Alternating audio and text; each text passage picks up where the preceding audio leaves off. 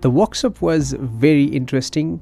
The activities were very, very engaging, and we loved the energy of the facilitators. But for us, the biggest challenge lies in completing the course on time. We have to finish the syllabus and we have to prepare our students for the exam. So, what can you do about it? Hi, I am Umesh Shrestha. I'm a teacher and a teacher developer, and I love designing, developing, and delivering workshops. So, that was one of the feedbacks that we received after conducting a three day workshop for the faculty members of a higher education institution. And I believe that it's a genuine, genuine concern for a lot of lot of teachers, especially after having to teach or having to switch to online teaching during this pandemic. The theme for this recent workshop was how to engage students in online activities. And one of the objectives of the workshop was that the teachers will be able to design activities which are relevant to the course and to the students as well. The activity based teaching and learning has its own pros and cons. A lot of pros, but a few cons. One of the cons could be for the teachers trying to implement activities in their teaching is that it will definitely take some extra time and effort, at least initially, when designing any activities that are relevant to the course and to the students. I have to make a confession here. In my initial days as a teacher trainer, I used to believe that these teachers who were kind of showing resistance towards activity based teaching, I labeled these teachers as lazy teachers. It is embarrassing. Yeah, I know. I used to label some teachers that way. But until I read this book titled Switch by Dan and Chip Heath, I realized where I was making a mistake. And in that book, they talk about the realities or the surprises about change. In fact, they talk about three surprises about change. First, what looks like a people problem is often a situation problem. Second, what looks like laziness is often exhaustion. And third, what looks like resistance is often a lack of clarity.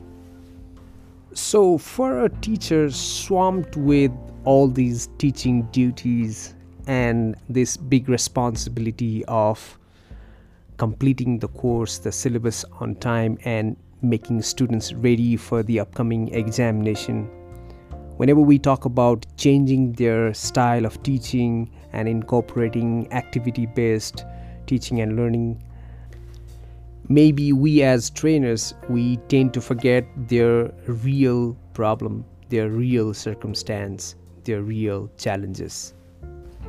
All right that was my short confession but as a teacher what can i do if i want to incorporate activities and experiential learning things in my teaching?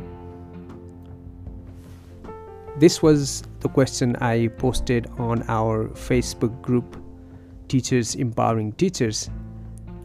Luckily, we have a few posts or few responses over there. Let me share a few ones. Promi Shrestha says, achieving the objectives of curriculum is more important than completing the course or syllabus and which can be done by clustering interrelated topics. Teachers should focus more on context than the content. That's a nice suggestion. Renuka Timulsina she writes if instructional design is prepared properly before the semester or trimester begins such challenges can be dealt with of course churamani pandey he writes intradisciplinary integration.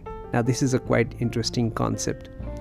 So, intradisciplinary integration, planned pre and post lesson activities, and self learning modules might help in such situation.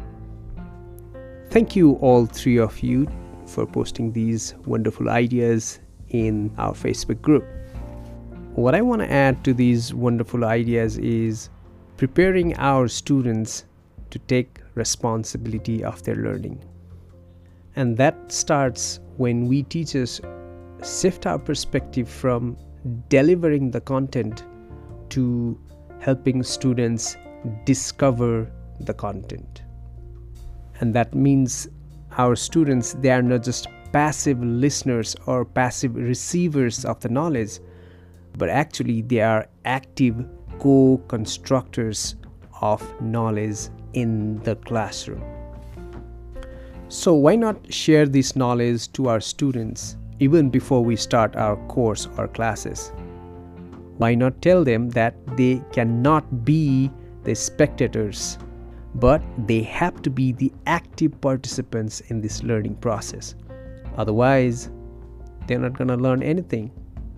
And I truly hope with this shift in the perspective, teachers will value and understand the importance of activity based teaching and learning in the classroom.